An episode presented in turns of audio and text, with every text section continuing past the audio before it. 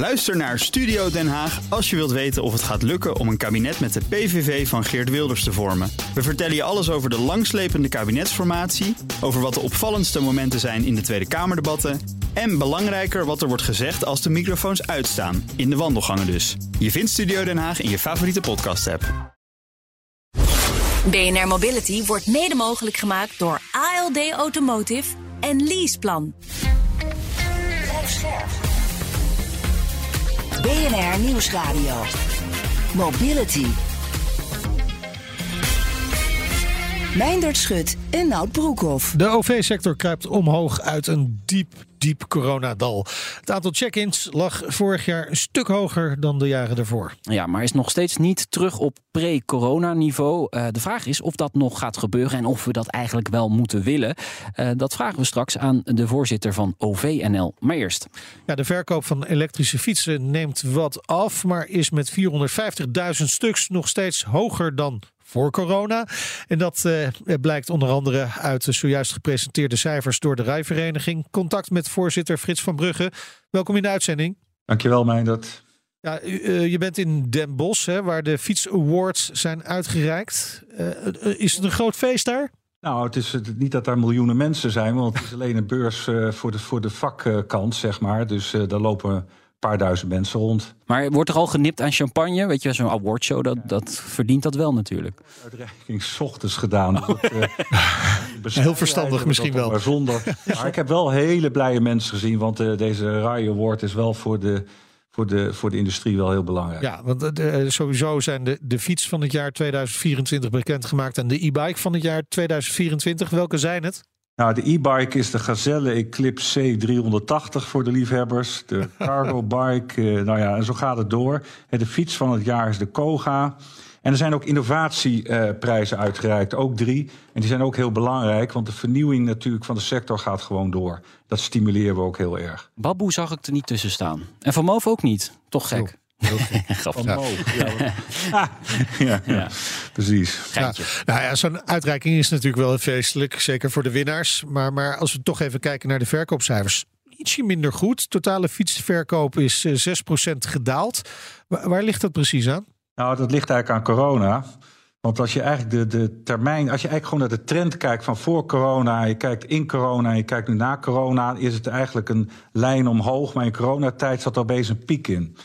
Dus wat je eigenlijk ziet is dat het gaat eigenlijk heel goed. Alleen in coronatijd ging het heel erg goed. Ja. Dus we lopen nog een beetje achter in coronatijd, maar we lopen eigenlijk weer voor op uh, zeg maar voor coronatijd. Dus die, die coronapieken, de, ja, dat, dat gaan we gewoon niet meer overtreffen. Nou, dat denk ik wel, maar dan moet je een paar jaar geduld hebben. Oké, ja, dus dat uh, ja, duurt even. duurt gewoon even weer. Is, uh, uh, en we hebben daarna gezien hè, dat een beetje een storing in die lijnen naar China, et cetera. Ja. Ja. Dus toen was het even moeilijk om het allemaal bij elkaar te krijgen. En, en nu zie je dat dat ook weer is gestabiliseerd. En de omzet blijft toch gewoon stijgen. Nou ja, dat is natuurlijk interessant, hè? want ja. het aantal verkochte fietsen hoeft niet per se alles te zeggen over de omzet. Het kan ook zijn dat er uh, flinke kortingen zijn gegeven. Nou ja, wat er vooral is gebeurd, is dat de prijzen nu wat omhoog zijn. Ja, en de korting in het verleden, precies, dat zou ook kunnen. In ieder geval wat je ziet, uh, het is natuurlijk altijd PMLQ.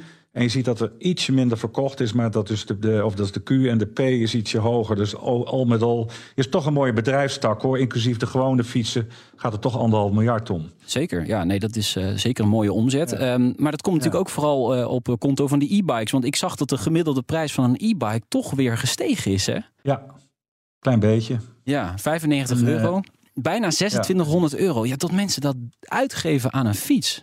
Ja, ja. Kijk mij aan, maar ik heb nou, het gedaan uh, een keer. Ja, daarom weet ja. ik het. En, en je was dan niet de enige die dat gedaan nee, heeft. Want nee. vorig jaar toch gewoon 453.000 hè, voor alle duidelijkheid. Ja. Dus dat is 56% van alle fietsen die verkocht worden, zijn e-bikes. Ja, op, het op één na hoogste percentage ooit. Dus dat, is, dat, is wel, uh, dat zegt wel genoeg, denk ik. Maar kan dat nog en verder groeien? En stijgende. Ja, gaat het gewoon verder groeien, die, die e-bikes? Ik denk het.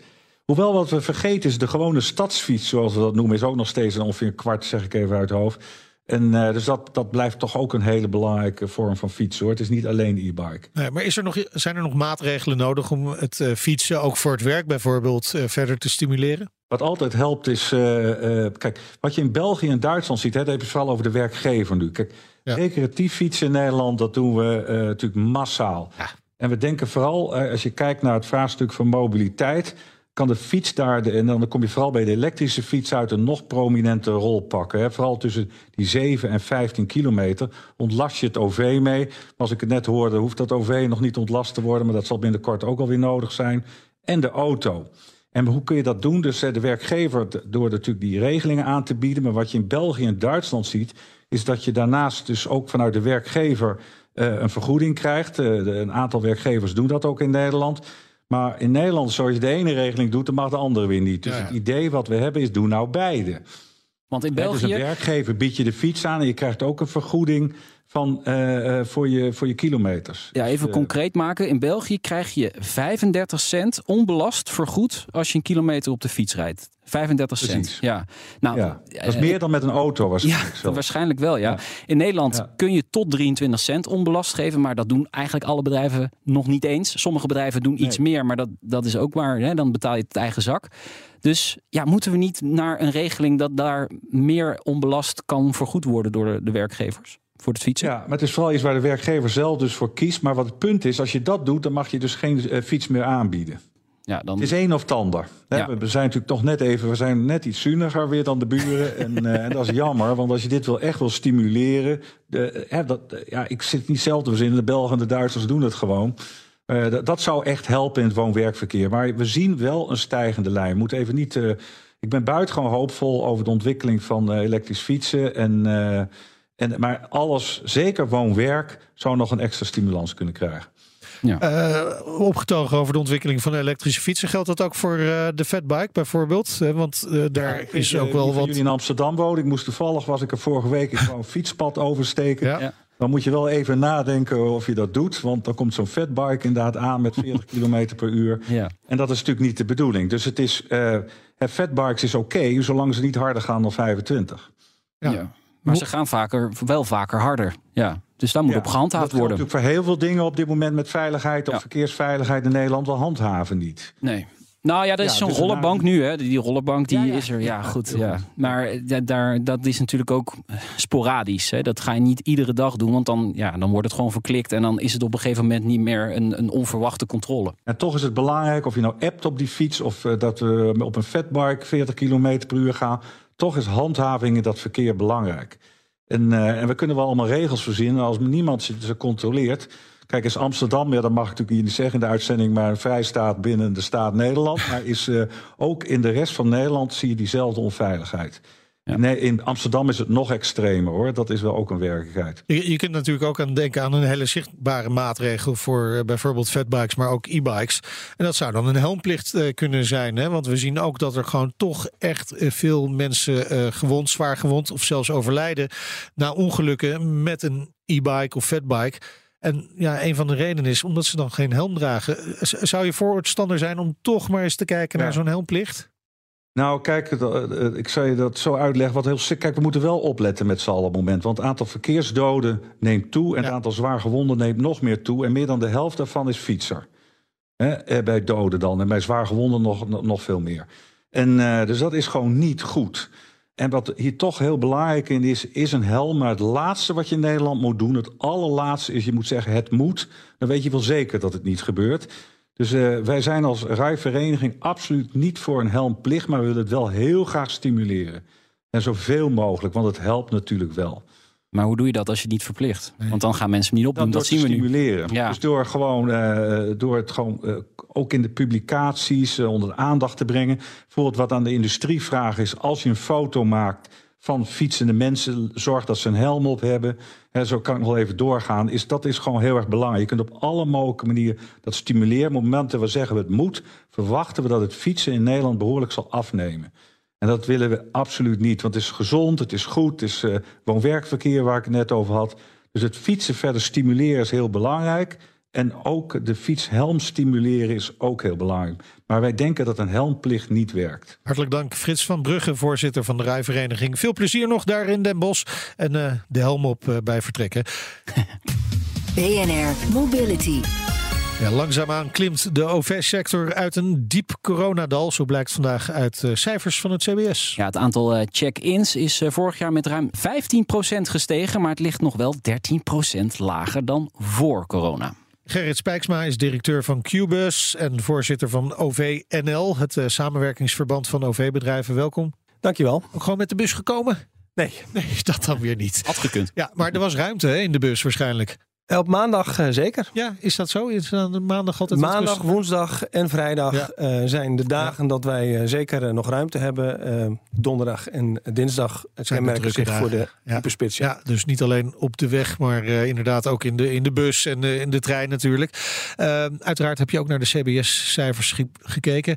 Is er nu echt inderdaad licht aan het einde van de tunnel? Het begint er uh, zeer zeker op te lijken. Uh, we, zijn, uh, we zagen het natuurlijk vorig jaar al aankomen gedurende het jaar. Maar we zijn ontzettend blij dat de reiziger het openbaar vervoer ook weer teruggevonden heeft. Ja. Geldt dit voor de hele OV-sector?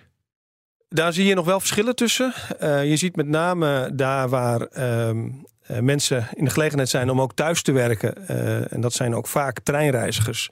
dat die vaker thuis werken. Dat is komt dus ook overeen op, over het verschillen in de spits uh, gedurende de week. Ja, waar je net al refereerde. Uh, thuis op uh, dinsdag en donderdag. Uh, precies, ja. uh, nog wel. Wij hopen natuurlijk dat dat, het ga, dat dat gaat veranderen. Ja.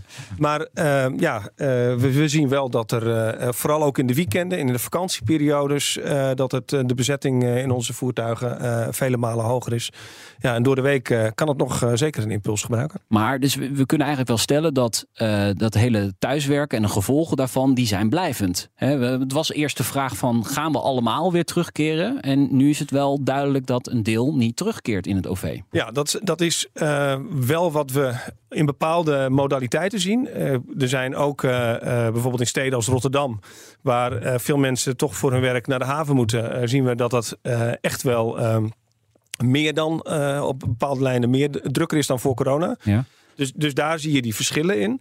Uh, maar ja, dat betekent ook dat, uh, uh, dat er ruimte is voor de mensen die voor corona misschien nog met de auto naar hun werk gingen. En vanaf nou ja, nu, uh, nu het openbaar vervoer zich weer uh, in de opwaartse spiraal bevindt, ook uh, gebruik kunnen maken van het openbaar vervoer. Ja, we spraken net Frits van Brugge en die zegt ja, we gaan echt wel weer met de fietsverkoop terugkomen op pre-corona niveau. Maar als je het nu zou moeten zeggen, komen met de OV-cijfers, de, de check-ins weer terug op pre-corona niveau? Ja, dat denk ik ook. Alleen het zullen niet dezelfde reizigers zijn die voor corona uh, uh, met het OV gingen. Want ik denk dat een, een, deel van de reizigers die voor corona met het OV ging, deels thuis is gaan werken. Ja, maar ja. ik denk wel dat hè, door ook de energietransitie en, en, en uh, nou ja, de rol die het openbaar vervoer eigenlijk al in, in, in de reductie van CO2 vervult, dat werkgevers ook steeds meer hun werknemers aan het motiveren zijn om met het openbaar vervoer te gaan. Je ziet dat in allerlei uh, mobiliteitsproducten. In plaats van een leaseauto krijg je een mobiliteitsproduct. En je ziet ook dat het openbaar vervoer is al 30% uh, zero emissie. Uh, daar waar het vroeger diesel was. NS is al 100% groen, al jaren met haar stroom. Ja. ja en de automarkt uh, ja. ligt daar toch duidelijk achter. Ja, maar, maar uh, uh, overheden, overheden, maar ook dus werkgevers proberen steeds meer werknemers richting OV te stimuleren. Maar je zegt net al, ja, die, die dinsdag en die donderdag, die zijn al hartstikke druk. Kunnen we, kunnen we zoiets als een hyperspits nog voorkomen? Ja, door op maandag, woensdag en ja, vrijdag ja, uh, naar kantoor ja. te gaan. Kijk, uh, schaarste, dit, schaarste is altijd een probleem. Geroepen, dit wordt al heel lang geroepen. Ja, dat wordt heel lang geroepen. Alleen uh, er zijn best nog wel beleidsmaatregelen die je zou kunnen nemen. Zoals? Omdat uh, nou, bijvoorbeeld de thuiswerkvergoeding uh, op maandag, woensdag en vrijdag verdubbelen. Of, of nog groter maken. Nou, verdrievoudigen en, en, mag ook. En, afschaffen voor de dinsdag en de donderdag. Ja. ja, maar dat moet dan van de werkgevers komen. Welk belangen hebben zij daarbij? Uh, omdat zij uh, nu ook op hun kantoren uh, op dinsdag en donderdag geen plek hebben. Want je ziet ook bij werkgevers, en dat, dat zien wij zelf ook. Uh, de beschikbaarheid van, van bureaus en, en vergaderruimte is op dinsdag en donderdag uh, een drama. En uh, de andere dagen heb je ruimte over. Dus, ja. er, dus er, er, zijn veel meer redenen dan alleen de hyperspits. Maar ook het gebruik van je vastgoed. Maar ook het beter in balans brengen van beschikbaarheid van mensen ja, op kantoor. Je kunt natuurlijk ook het, het, het, kaartje voor het OV, het buskaartje bijvoorbeeld, wat duurder maken op dinsdag en donderdag. Ja, maar je, je weet precies hoe de maatschappij reageert op het moment dat je OV uh, duurder maakt op bepaalde momenten. Want Oké, okay, dan maken ook... we het op maandag, woensdag en vrijdag goedkoper. Ja, dat is een beloning dan. Hey. Ja, dat, dat, dat, dat zou een model kunnen zijn. Ja. En daar, daar wordt Maar- natuurlijk ook al over nagedacht om daar. eh, eh, de NS is vorig jaar daar met een voorstel. eh Was geen succes, dat voorstel. Ja, dat weet ik niet. Ik denk in ieder dat. geval niet heel erg enthousiast ontvangen. in de Tweede dat, Kamer. Dat is ook zoals er in Nederland eh, eh, eh, op verandering wordt altijd terughoudend gereageerd. Maar schaars, dat drijft de prijzen op. Eh, vanochtend nog Ryanair, die Ja. zijn vliegtuigen niet, ge- niet geleverd Klopt. krijgt op tijd. Die roept ook meteen 5 tot 10 procent duurder. Eh, het, is wel een, het is wel een bekend mechanisme dat als er schaarste is, dat het duurder wordt. En, en dat, eh, dat zullen we met z'n allen. eh, dat kan een mechanisme zijn om te gebruiken. Maar hoe gaan we nou die afspraken maken dat mensen inderdaad meer op die maandag, woensdag en, en vrijdag gaan werken en, en gaan reizen? Hè? Dus niet thuis gaan werken. Ja, ik denk niet dat je daar een afspraak op moet maken. Ik denk dat je dat moet stimuleren. Dus, dus maak, maak het, verleid ze. In plaats van dat Ja. om te zeggen dat het moet. Als je, als je eh, werknemers een mobiliteitsbudget zou geven.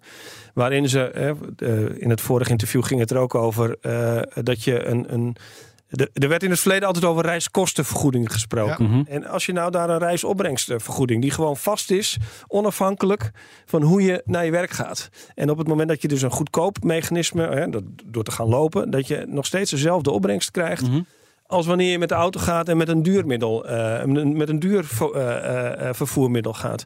Ja, ik denk dat mensen dan hun eigen keuze wel gaan maken. En dat, dat kun je dus ook met het openbaar vervoer doen. Eh, of met het gebruik van openbaar vervoer. Dus of je doet iets met de prijzen in het openbaar vervoer, of je gaat iets met thuiswerkvergoedingen of mobiliteitsvergoedingen doen. Hey, en even out of the box denken, maar gewoon meer treinen, bussen laten rijden, metro's. Gewoon die dienstregeling. Capaciteit vergroten. Ja, capaciteit op het, eh, op het spoor of waar dan ook vergroten. Een van de grootste uitdagingen binnen het openbaar vervoer is dat ongeveer 20% van, van de totale vloot alleen maar in de spits wordt ingezet. Je kunt het- de, de investeringen in je vloot niet in drie uur per dag terugverdienen. Dat betekent dat je een, een, een bezetting van je, van je voertuigen moet hebben gedurende eh, eh, de hele dag. Dus alleen maar spitscapaciteit uitbreiden in, in termen van meer voertuigen, dat maakt het systeem duurder. En ja, daarnaast speelt natuurlijk op dit moment ook het probleem of de uitdaging op de arbeidsmarkt dat we eh, tekorten aan personeel hebben. Daar werkt de sector ontzettend hard aan om dat opgelost te krijgen en om dat ingevuld te krijgen. Dat heeft tijd nodig. Eh, dus daar zullen we, eh, ook al zou dat voor de langere termijn een oplossing zijn, dan zouden we op dit moment eh, zouden we nog tegen de grenzen van onze mogelijkheden aanlopen. Dus het is ook een open sollicitatie. Voor mensen die dit horen. Er zijn genoeg vacatures te vervullen. ab- absoluut. In, in alle gremia. Ehm, het is een, ik zeg altijd, het is een prachtige baan, omdat je Nederland gedurende de dag aan, je, aan jezelf of, eh, eh, voorbij ziet komen. Eh, je bent buiten, je hebt contact met mensen. Eh, de CEO's zijn over het algemeen eh, erg goed. Een chauffeur eh, neemt al snel 3000 euro netto per maand mee naar huis. Ehm, ja, Wat wil je nog meer? dat zou ik eigenlijk willen Je zeggen. zou ja. ook kunnen zeggen, als er nog zoveel vacatures zijn, is het misschien niet aantrekkelijk genoeg. Wat, wat kunnen jullie nog doen om het nog aantrekkelijker te maken?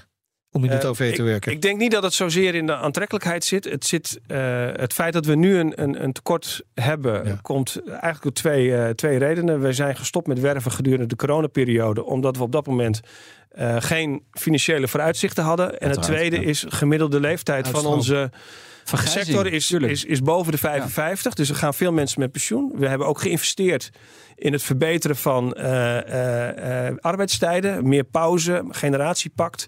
Dat betekent wel dat mensen, chauffeurs, bestuurders, eh, trambestuurders en machinisten gemiddeld minder op het voertuig zitten. Dus dat leidt ook weer tot een grotere personeelsbehoefte. We moeten duidelijk werven van mensen ook buiten de sector. Dus dat betekent opleiden. Dat duurt voor een eh, onbekwame mensen willen we natuurlijk niet eh, eh, aan het stuur zetten. Nee. Dat betekent opleiden. Vier tot zes maanden voor een buschauffeur. Eh, dat betalen we als sector overigens, maar eh, machinist zelfs nog iets langer. Ja, dat betekent wel dat we eh, daar de tijd voor moeten nemen om niet alleen de mensen te vinden, maar ook om ze opgeleid te krijgen. Ja. Nu is reizen met het OV in Nederland niet per se heel goedkoop in Nederland. Maar een prijsverhoging dit jaar is tegengehouden dankzij de motie Bikker in de Tweede Kamer. Hoe belangrijk is dat, dat dat gebeurd is? Ontzettend belangrijk. Een van de dingen die wij gezien hebben is dat door de accijnsverlagingen van benzine en diesel uh, ten tijde van corona, dat autorijden voordelig werd, uh, of uh, een stuk voordeliger werd ten opzichte van het openbaar vervoer. de prijsverhogingen op dat moment binnen het OV konden niet tegengehouden worden. Ja, het feit dat de overheid nu gezegd heeft een, een prijsverhoging van 11% betalen wij als overheid en uh, gaat, uh, hoeft de sector of hoeven reizigers niet te betalen. Daar zijn we natuurlijk ontzettend blij mee. Ik wil er wel één kanttekening bij maken. Uh, dit, die, die stijging van 11% is voor het streek- en stadsvervoer ja. permanent ongedaan gemaakt. Voor de NS is het alleen voor 2024. En wij zijn nog druk in gesprek met de overheid om te kijken dat dat uh, ook voor de jaren daarna mogelijk ja, want dat, dat, dat zou nog best wel eens moeilijk kunnen zijn. Hè? We horen nu ook berichten dat het komende kabinet gewoon 17 uh, miljard moet gaan ombuigen. Ja, dat moet ergens moet die rekening betaald worden. Terwijl er ook gevraagd wordt om extra geld voor onderwijs, voor defensie. Sinds kort ook opeens een populair onderwerp. Ja. Uh, niet zo heel erg gek. Maar de energietransitie, noem maar op. Er zijn heel veel zaken die uh, opgelost moeten worden. En je zult van mij ook niet horen dat ik ooit gezegd heb dat regeren eenvoudig is. Nee. nee, dat betekent wel dat, dat de regering inderdaad keuzes moet maken. Ja. Dan wil ik toch echt wel uh, nog een keer benoemen. Het stond vandaag ook in de, in de krant. Februari is gemiddeld, was, afgelopen februari was 4 graden warmer dan gemiddeld. Ja. Die ene, die, het klimaatprobleem komt echt gierend op ons af. Uh, OV is 30% uh, in het uh, stads- en streekvervoer al zeer energie-neutraal. Auto en vrachtauto lopen daar ver achteraan. Um, ook in het adresseren van die klimaattransitie en de energietransitie loopt het OV voorop. Het is ja, een goede investering, een goede investering ja. voor de overheid om daar mee ja, verder ja, te gaan. De Tweede Kamer kijkt serieus naar een extra parlementair kabinet. Interesse in de baan? Ze mogen me altijd bellen. ja, nou dat is en dan mijn hier... naam wordt kennelijk genoemd. Ja, nou ja, bij deze. ja, dus de verduurzaming uh, moet aangejaagd worden. We hebben de prijsstijging uh, die natuurlijk beteugeld moet worden. En ook een stukje veiligheid. Hè? Want uh, de, de, vorige week waren de cijfers van de NS dat er nog heel veel dingen gebeuren rondom treinen. die je daglicht niet kunnen zien. Ja, dat klopt. Uh, sociale veiligheid uh, blijft een probleem. Ik zeg altijd: openbaar vervoer is een fabriek in de open lucht. Iedereen heeft uh, toegang. Nou, ik ben hier zo net naar binnen gelopen ja, en ja. ik moest al door twee poortjes heen. Zeker. Uh, ja, dat, dat bestaat niet in het openbaar vervoer. Dus dat betekent dat uh, wij uh, nou, voor als ik iedereen. de metro wil nemen, moet ik toch echt door een paar poortjes zijn. Ja, dat is alleen maar om te betalen, maar niet om te controleren wie je bent. Okay. Ja, dat, is, dat, dat blijft een. dus de toegankelijkheid van het openbaar vervoer is een groot goed. Dat betekent ook dat je soms tegen problemen en haarden aanloopt waar, waar onrust is. Ja, we zien vaak dat de, de, de bedrijven zelf verantwoordelijk zijn voor de sociale veiligheid. Terwijl uh, de sociale onveiligheid vaak over de concessiegebieden heen gaat. En dat blijkt, dan, dan wordt het lastig voor bedrijven om die problematiek uh, goed aan te pakken. Uh, ja, en daarover zijn we ook in continu gesprek met zowel met veiligheid en justitie en als met, ook met INW. Om te kijken hoe dat beter kan. En dat betekent ook dat we nou ja, aan het nadenken zijn om uh, dat uh, concessie overstijgend te gaan doen. Dank Gerrits uh, Spijksma, directeur van Cubus en voorzitter van OVNL, het samenwerkingsverband van OV-bedrijven. En Den Haag, hij is dus beschikbaar hè, in een functie. Ja, heeft er staat er wel weer een vacature in het OV, ja. maar die is vast heel makkelijk op te vullen. Ga ik vanuit. Zo is dat. Dit was BNR Mobility. Terugluisteren kan via de website, via onze app, Apple Podcast, Spotify of een podcastkanaal naar keuze. Zeker, vergeet je vooral niet te abonneren mail uh, of uh, ja, nee, als je nieuws hebt voor ons, dan mail je. Ja. Mobility.bnr.nl. Ik ben Meijnerd Schut. Ik ben Broekhoff. Tot volgende week. Doei. BNR Mobility wordt mede mogelijk gemaakt door ALD Automotive en Leaseplan. Ook Diana Matroos vind je in de BNR-app. Ja, inderdaad. Je kunt live naar mij luisteren tijdens de Big Five. Ook handig in de BNR-app. Breaking nieuwsmeldingen, maar ook het allerlaatste zakelijke nieuws. En je vindt in de app alle BNR-podcasts, waaronder Wetenschap Vandaag. Download nu de gratis BNR-app en blijf scherp.